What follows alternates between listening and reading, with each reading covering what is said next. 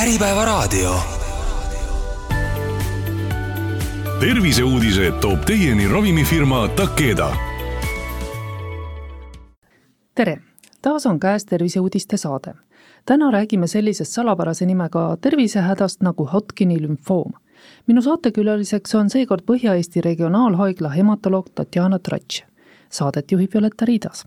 tere, doktor Tratš tere! regionaalhaigla kodulehel seisab, et Hodgkini lümfoom kuulub agressiivsete lümfoomide gruppi, mis erineb mitte Hodgkini lümfoomidest oma rakulise ehituse, haiguse kulu ja prognoosi poolest. haigus ise võib esineda nii lastel, noorukitel kui ka eakatel patsientidel.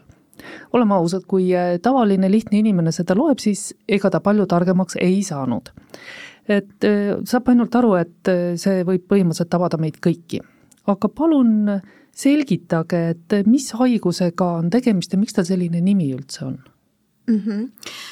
Hodgkini lümfoom on pahaloomuline lümfisüsteemi kasvaja.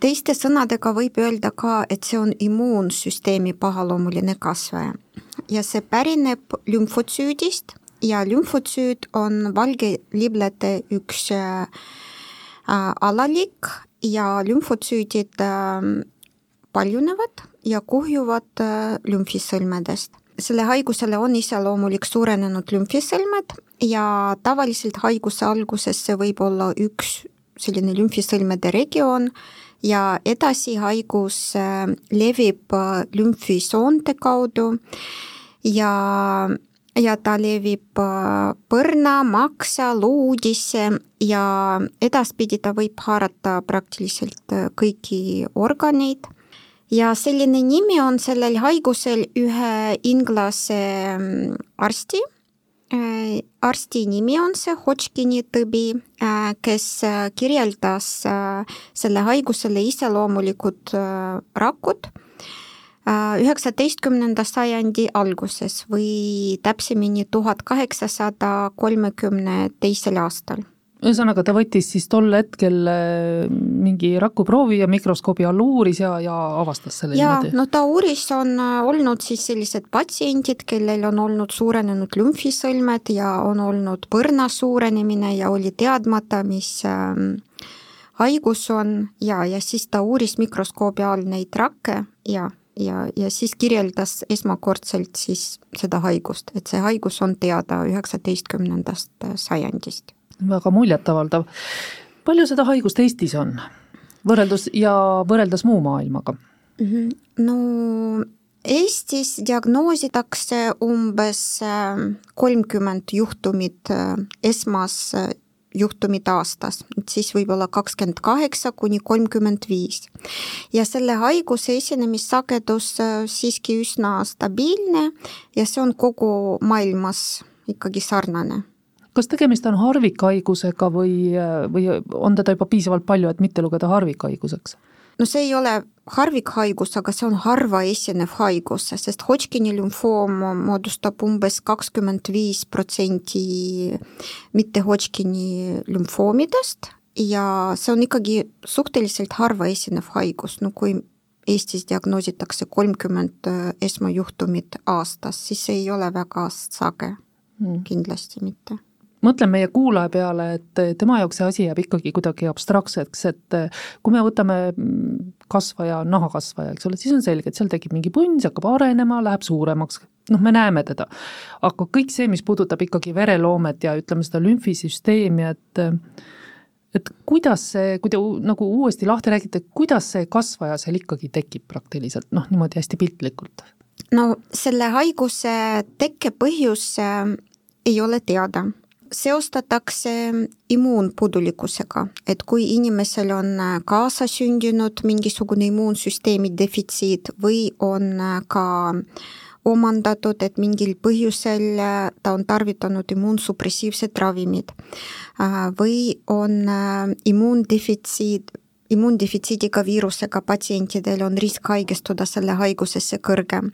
aga tegelikult teistel inimestel see haigus ju noorte täiskasvanute, kes on terved inimesed ja lastel ka esineb see haigus. et tavaliselt äh, nad on äh, täiesti terved olnud ja selle haiguse tekke põhjus laias mõttes on teadmata. on, seostatakse näiteks Epstein-Barr viirusega. mis loom see on? see on üks selline viirus, millega tegelikult enamus inimest oma elu jooksul kokku puudub.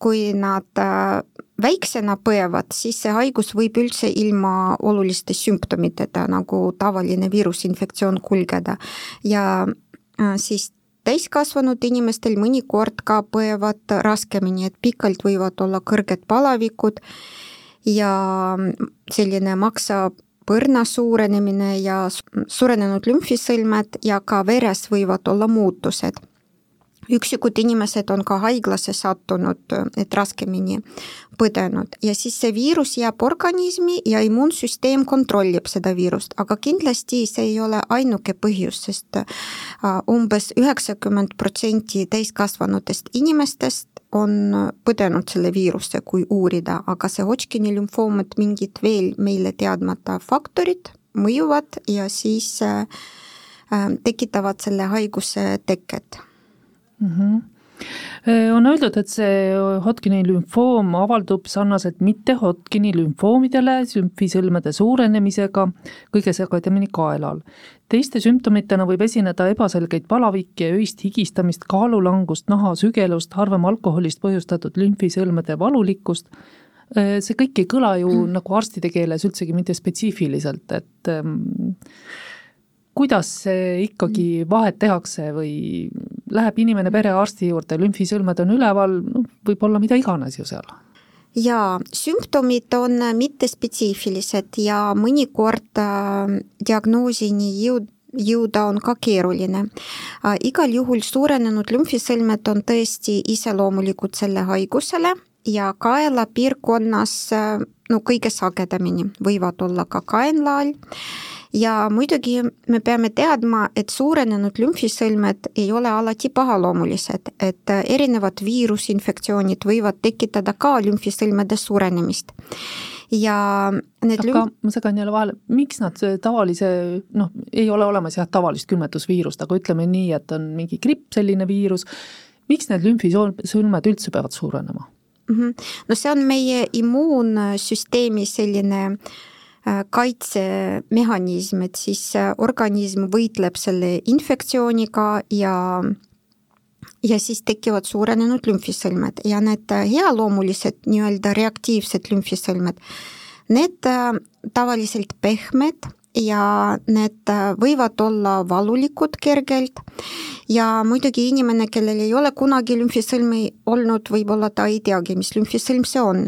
et kui te Äh, avastasite kaelal suurenenud lümfisõlmi, äh, siis te võite perearstile kõigepealt näidata, enamus arste oskavad äh, lihtsalt läbivaatuse lümfisõlme palpeerimise alusel öelda ja, ja mhm. katsuda mm -hmm. selle lümfisõlm ja siis see lokalisatsioon ka, kus see lümfisõlm tekib.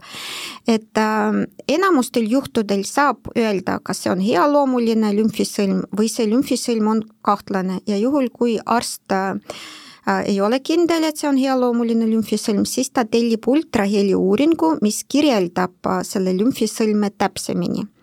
ja selle uuringu ja alusel äh, võib tekkida jah kahtlus, et see on pahaloomuline lümfisõlm. aga mõned inimesed väga varakult avastavad, näiteks habeme ajamise ajal kohe leiab patsient suurenenud lümfisõlmi ja näitab, aga teised ka ei pööra tähelepanu, et minul oli üks patsient, kes ütles, et äh, kui kaelakett juba kitsaks jäänud, et hakkas pigistama, siis ta nagu avastas või arst avast-, noh, siis ta avastas, et kaelal on suurenenud lümfisõlmed, no siis need olnud juba üsna suured ja niimoodi silmaga nähtavad. Jaa, aga mõnikord äh, tegelikult, kui see haigus äh, no avaldub suurenenud lümfisõlmedega kaelal, või kaenla all või kubemetesse, siis on kõige kergem seda haigust avastada, siis tavaliselt suunab perearst ja ultraheliuuringule ja võetakse ka proov, kui see lümfisõlm kahtlane. kõige sagedamini esialgu võetakse jämeneelbiopsia või nõelaga lümfisõlmest aspireeritakse noh, materjal ja klaasidele tehakse preparaate. kui jäme see jäme nõel on, et noh, ma mõtlen, et vanem ole..., vanem põlvkond mäletab, et nõelad võivad olla ikka väga jämedad kohati ei, see ei ole väga jäme ja see ei ole valulik protseduur mm. -hmm. muidugi lümfoomi diagnoosimisel on äh, õige äh, ja enamasti diagnoosimiseks äh, vajalik eemaldada lümfisõlme tervena aga selline esmaproov, ega selle suurenenud lümfisõlme alusel kohe ei tea ka arst, mis haigusega tegemist on. Ja on olemas ka teised pahaloomulised kasvajad, mille korral äh, vastupidi, selline kõige vähem invasiivne uuring äh, näidustatud, et ei tohi kohe lõigata selle lümfisõlmi või eemaldada, aga võetakse kõigepealt nõelaga ja siis, kui on näha, mis rakkudega tegemist on, siis on edasi selge, mis tegema peab, aga lümfoomi diagnoosimisel tihtipeale vajalik ka korduv biopsia, et see ei ole harva, et see nõelbiopsia vastab, et kahtlus on lümfoomile ja ei ole piisav selle materjali ka lümfoomi subtüüpi täpsustamiseks, siis kirurg eemaldab lümfisõlme tervena, kui juba selline viide ja kahtlus lümfoomile. aga mõnikord äh, lümfoom ei esinegi lümfoomi korral perifeersed lümfisõlmed, need lümfisõlmed võivad olla kopsude vahel või kõhuõõnes. Ja siis on, siis on raskem ka diagnoosini jõuda. aga peab tähelepanu pöörama, et näiteks sellised ebaselged palavikud, et kui muidugi, kui inimesel tekib palavik, kõik, kõige sagedasem põhjus on vi-, noh, viirusinfektsioon või mingi bakteriaalne infektsioon. kui inimene ei parane, siis ta läheb perearsti juurde ja temale määratakse äh, antibakteriaalse ravi ja see on õige. aga kui ta ei parane äh, või kui ta paraneb, mõnikord on nii, et läheb paremaks, palavik kaob ja siis taas tekib uuesti nädala või paari pärast. kui inimesel tekib kaalulangus, on selline üldine enesetunne halb, öine higistamine on ka üks sümptom, et äh, inimesed lümfoomiga vahest äh, aga see ei ole selline ka väike higistamine, et, äh, et nad ütlevad, et nad peavad pesu vahetama või ööriideid vahetama, et kõik märjaks läheb. ja ka naha sügelemine on ka üks selle haigusele iseloomulik sümptom. kuidas Muidugi... see nahk sügeleb sel juhul mm? -hmm. mõnikord äh, lihtsalt sügeleb nahk ja ei olegi mingit löövet. ja, ja siis äh, no lümfoomid on ikkagi harva esinevad haigused, aga naha sügelemine on äh, kõigepealt mingisuguse allergilise reaktsioonile iseloomulik sümptom. ja määratakse tavaliselt antihistamiinsed või allergiavastased preparaadid. ja, ja juhul, kui see naha sügelemine ära ei lähe, äh, siis ja ei ole teada mingit allergiat, mõnikord jõuavad need patsiendid ka allergoloogi juurde. kui allergia on välistatud ja muud põhjust ei ole, siis peab mõtlema ka süsteemse haigusele. Ma tuleks selle kaalulanguse juurde, et, et praegu on nagu see kaaluteema ju ühiskonnas nii oluline ja et muudkui võetakse maha ja, ja noh, nii mitmedki inimesed võivad hoopis rõõmustada, et näe, kaal kukub. aga mis, mis on selline vahe selle nüüd nii-öelda toitumise ehk dieedivahelise kaalulanguse ja sellise haiglasliku kaalulanguse vahel, et ma olen kuulnud, et siin on noh, et kui poole aasta jooksul langeb teatud kilode arv või, või jaa, no me ka alati küsime, kas see on dieedi muutusega seotud ja, ja tavaliselt inimesed ja ütlevad, et söövad nagu tavaliselt, aga no mõned ütlevad, et isu ei ole, aga mõned ütlevad, et söövad nagu tavaliselt, aga kaal langeb. noh, see ei ole väga noh, jah, ja numbrites on tõesti nii et, et kümme protsenti kehakaalust langus kuue kuu jooksul, see võib olla selline haiguslik, juhul kui inimene ei ole oma eluviisis midagi muutnud, et ta ei jookse ja ei ole oma dieeti muutnud mm, -hmm. siis see on selline signaal ja et see võib olla haiguslik mm. -hmm. ja kui ei ole olnud suuremaid läbielamisi võib-olla, mis ka mõjutavad. jah, sellised stressi ja mõnikord see Hodgkini lümfoom niimoodi tekib äh, kopsude vahel, lümfisõlmede pakett, mis suureneb ja kasvab üsna märkamatult. ja sümptomid tekivad ähm, siis, kui see mass juba üsna suur ja ta võib tekitada köha, sellist köhatamist, no mõnel juhul õhupuudus või valurinnus aga no tavaliselt ka, kui inimene kaebab valurinnus, sõltub ka vanusest, kõigepealt arst kahtlustab, et tegemist võib olla südamega seotud valupõhjusega. kui kardiaalsed põhjused on välistatud ja probleem püsib, siis tavaliselt ikkagi tehakse radioloogiline rönt-, no kas röntgen kopsudes või mingi täpsem kompuutertomograafia uuring. et patsient ikkagi peab oma, juhul kui ta tunneb ennast halvasti kui need sümptomid taas korduvad, näiteks kõrgenenud palavik ja siis ta peab äh, tagasi tulema arsti juurde, sest tegemist äh, on äh, noorte inimestega, et kõige sagedamini esineb Hodgkini lümfoom vanuses kakskümmend kuni nelikümmend.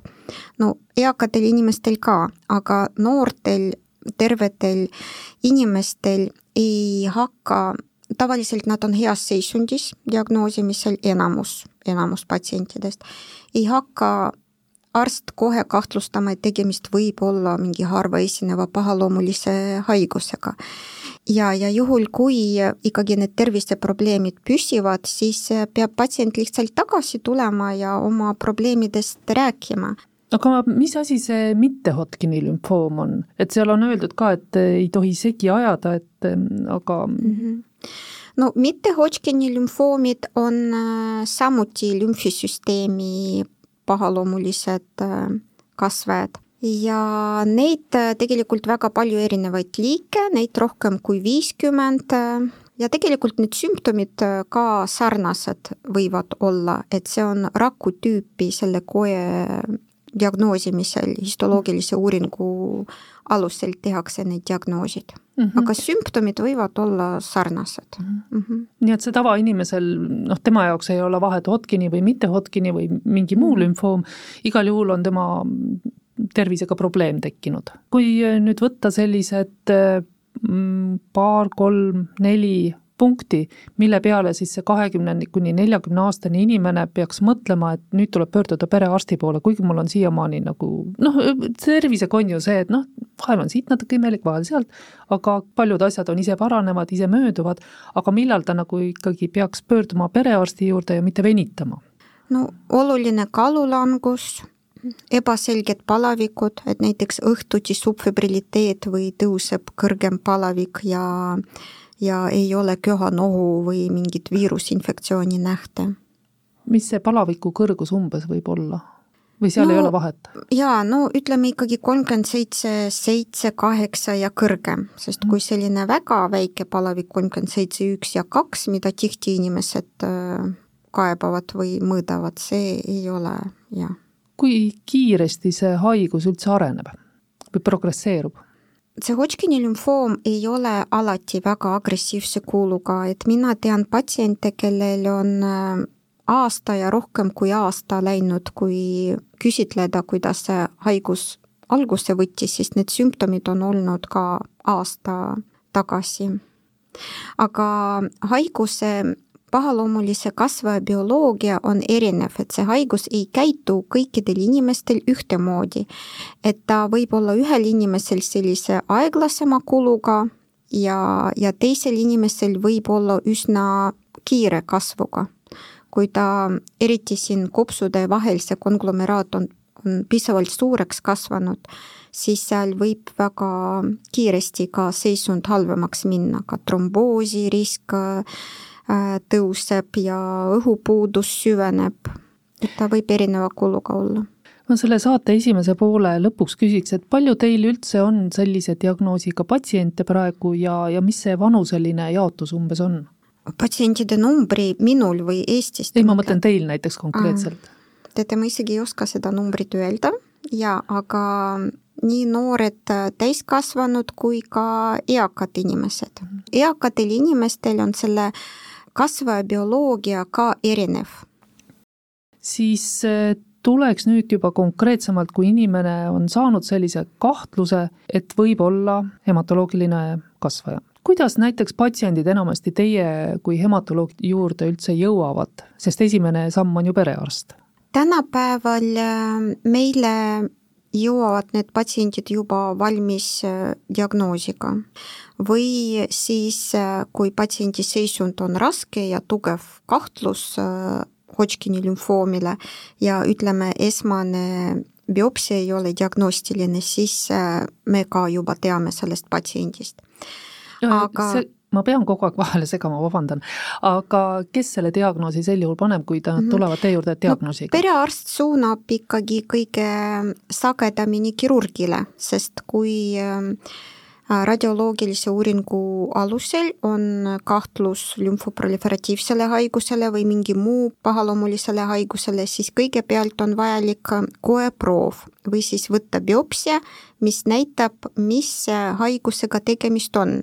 siis on ka teada, kuhu teda suunata edasi ravi alustamiseks et äh, tavaliselt jah, kirurgid äh, võtavad äh, biopsia või radioloog, no jämeneil biopsia võtab tavaliselt radioloog ja lümfisõlme emaldab kirurg ja mõnikord ja pea-kaela kirurgid ja aitavad ja siis kolleegid helistavad kas teisest haiglast või või meie haiglast, kui ka selle proovi vastus tuleb ja tegemist on lümfoomiga, siis meiega koheselt võetakse ühendust ja siis järgmine uuring, mis tellib radioloog, see on PET-uuring või positroonemissioontomograafia, mis näitab selle kasvaja levikut, staadiumi või ütleme, see PET-uuring näitab kasvaja elusat kudet või kõige täpsemini näitab äh, haiguse levikut mida see endast kujutab niimoodi, kui hästi lihtsalt seletada?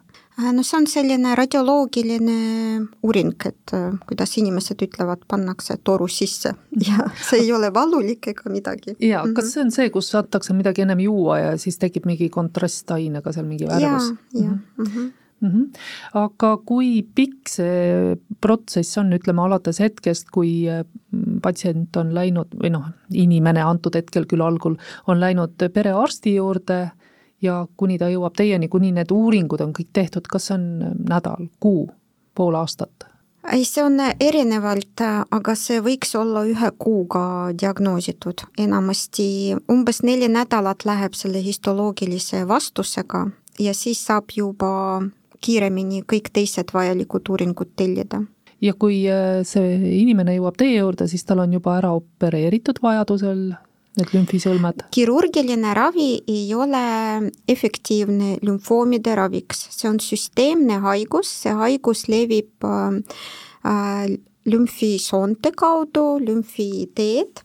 Ja, ja kirurgiline ravi tavaliselt äh, ei ole efektiivne et kirurgi roll on lihtsalt neid proove võtta? jaa, kirurgi roll ja võtta proovi, emaldada lümfisõlme, mille alusel me saame täpselt lümfoomi subtüüpi ka teada, sest ravi on erinev. Äh, ja see on väga oluline teada ka lümfoomi subtüüpi, ka Hodgkini lümfoom äh, jaguneb ka klassikalise Hodgkini lümfoomi ja seal oma subtüübid ja, ja mitteklassikaline, et arstidele see on kõik väga oluline, et selle materjali peab olema piisavalt ja mis selle inimesega edasi saab, kui ta teie juurde jõuab, kui on juba diagnoos kindel, et jah, see on nüüd Hodgkini lümfoom?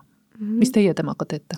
nii, kui tehtud ka juba radioloogiline uuring, me teame haiguse levikut, siis Hodgkini lümfoomi korral arvestatakse ka sellised riskifaktorid, mõned verenäidud, lümfisõlmede regioonide haaratust ja tavaliselt me vaatame neid äh, pilte konsiiliumis, kus osaleb radioloog, kiiritusraviarst, patoloogid ja hematoloogid. Ja siis äh, tehakse raviotsus äh, ja raviotsus on iga patsiendi korral Äh, selline individuaalne. me ravime Euroopa ravijuhiste alusel ja seal on täpselt haiguse leviku ja riskifaktorite arvestades otsustatakse ka ravi, mis piiratud levikuga haiguste korral on no võimalusel vähem toksiline ja kui haigus on edasi arenenud, levinud, siis see ravi on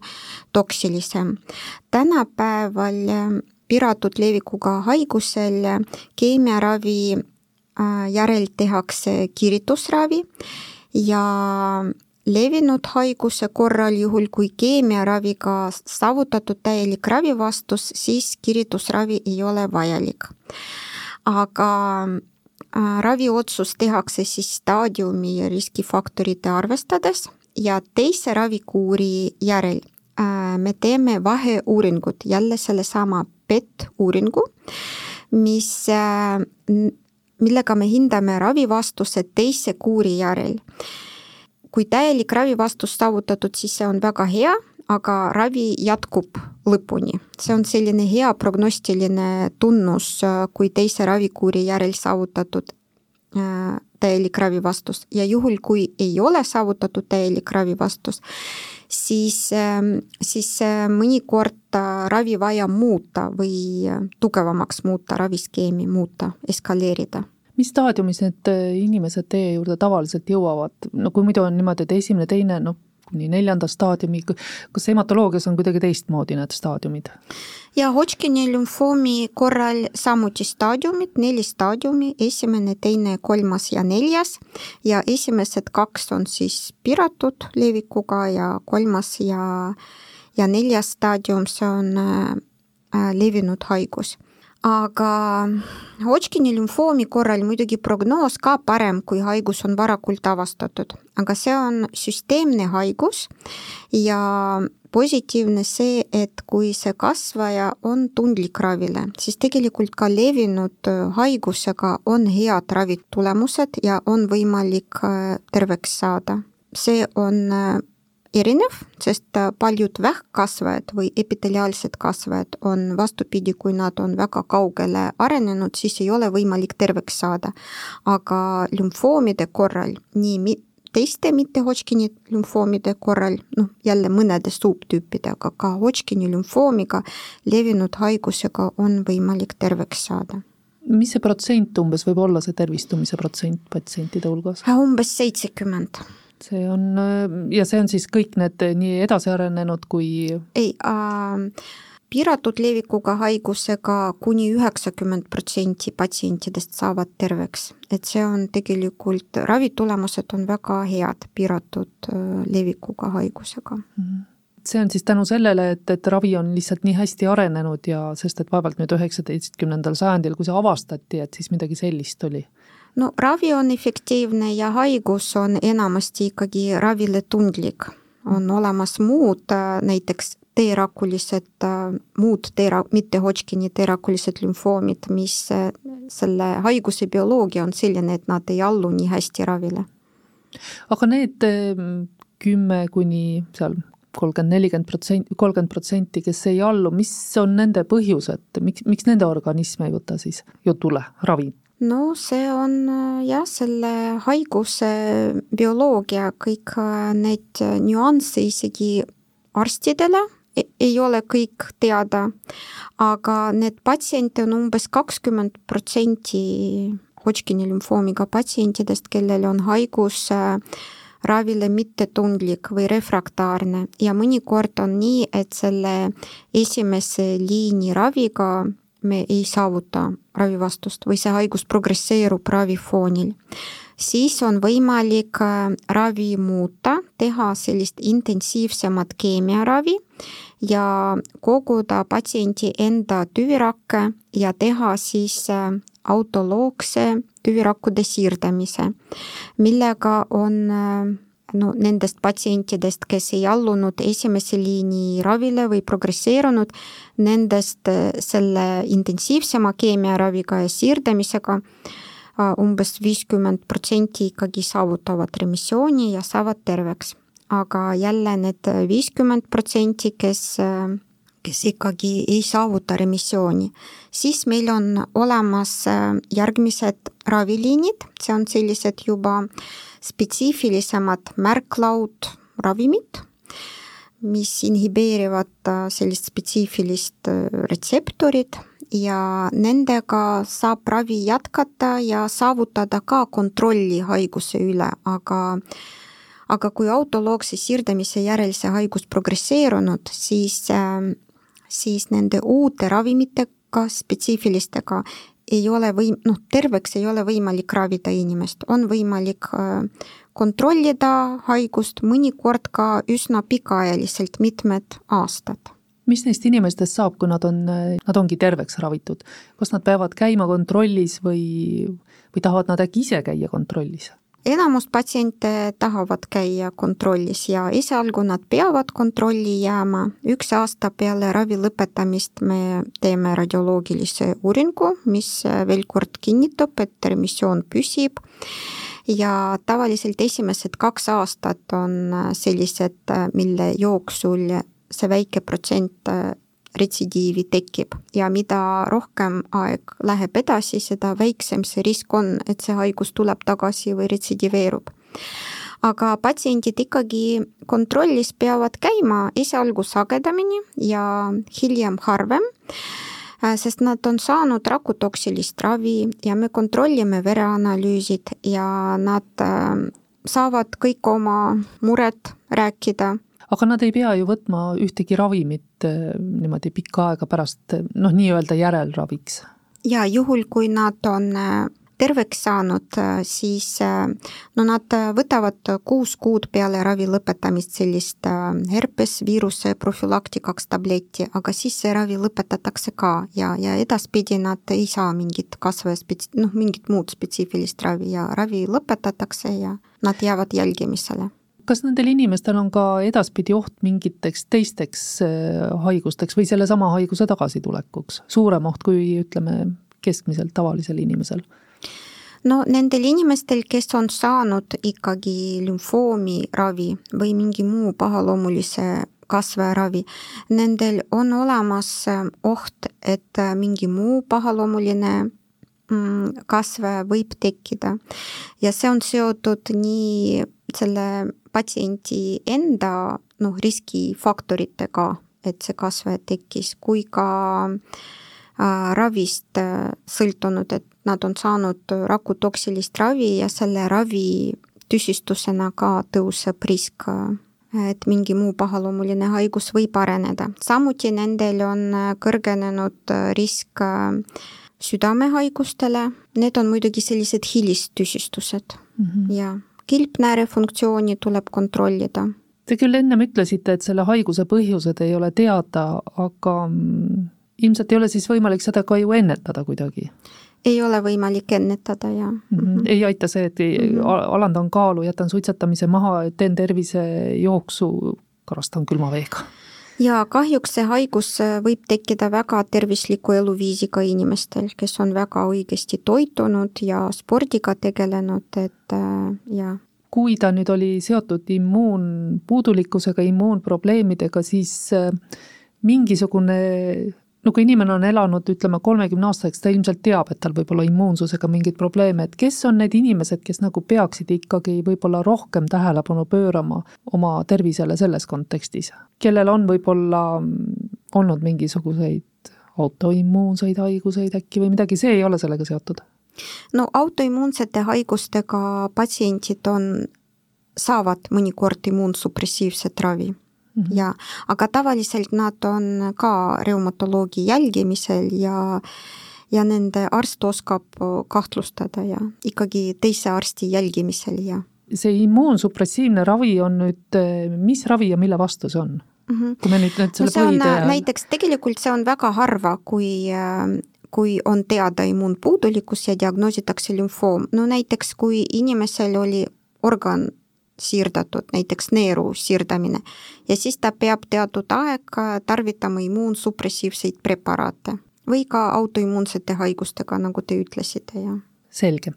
siin ennem, kui otsad päris kokku tõmmata, siis eh, kordaks veel üle sellised äh, põhi, põhitõed, et millal peaks pöörduma arsti juurde, sest et ma saan aru, et viis aastat kannatada lümfisõlmedega vist ei ole mõtet või kui on selline valu rinnus. Jaa, inimesed peavad tähelepanelikud olema oma tervise suhtes et kui on ikkagi mingi sellised kahtlased kõrvalekalded, mida ei peaks äkki olema, siis tuleb perearstile pöörduda.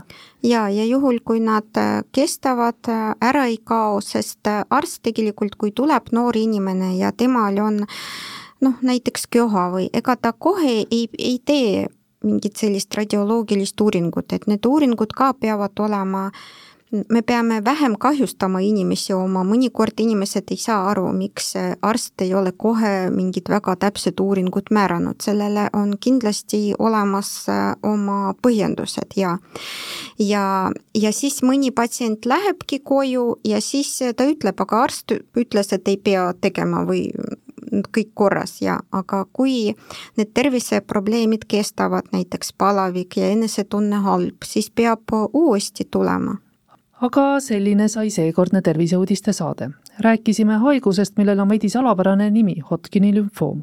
ja minu saatekülaliseks oli Põhja-Eesti Regionaalhaigla hematoloog Tatjana Tratš. Saadet juhtis Violeta Riidas. aitäh kuulamast!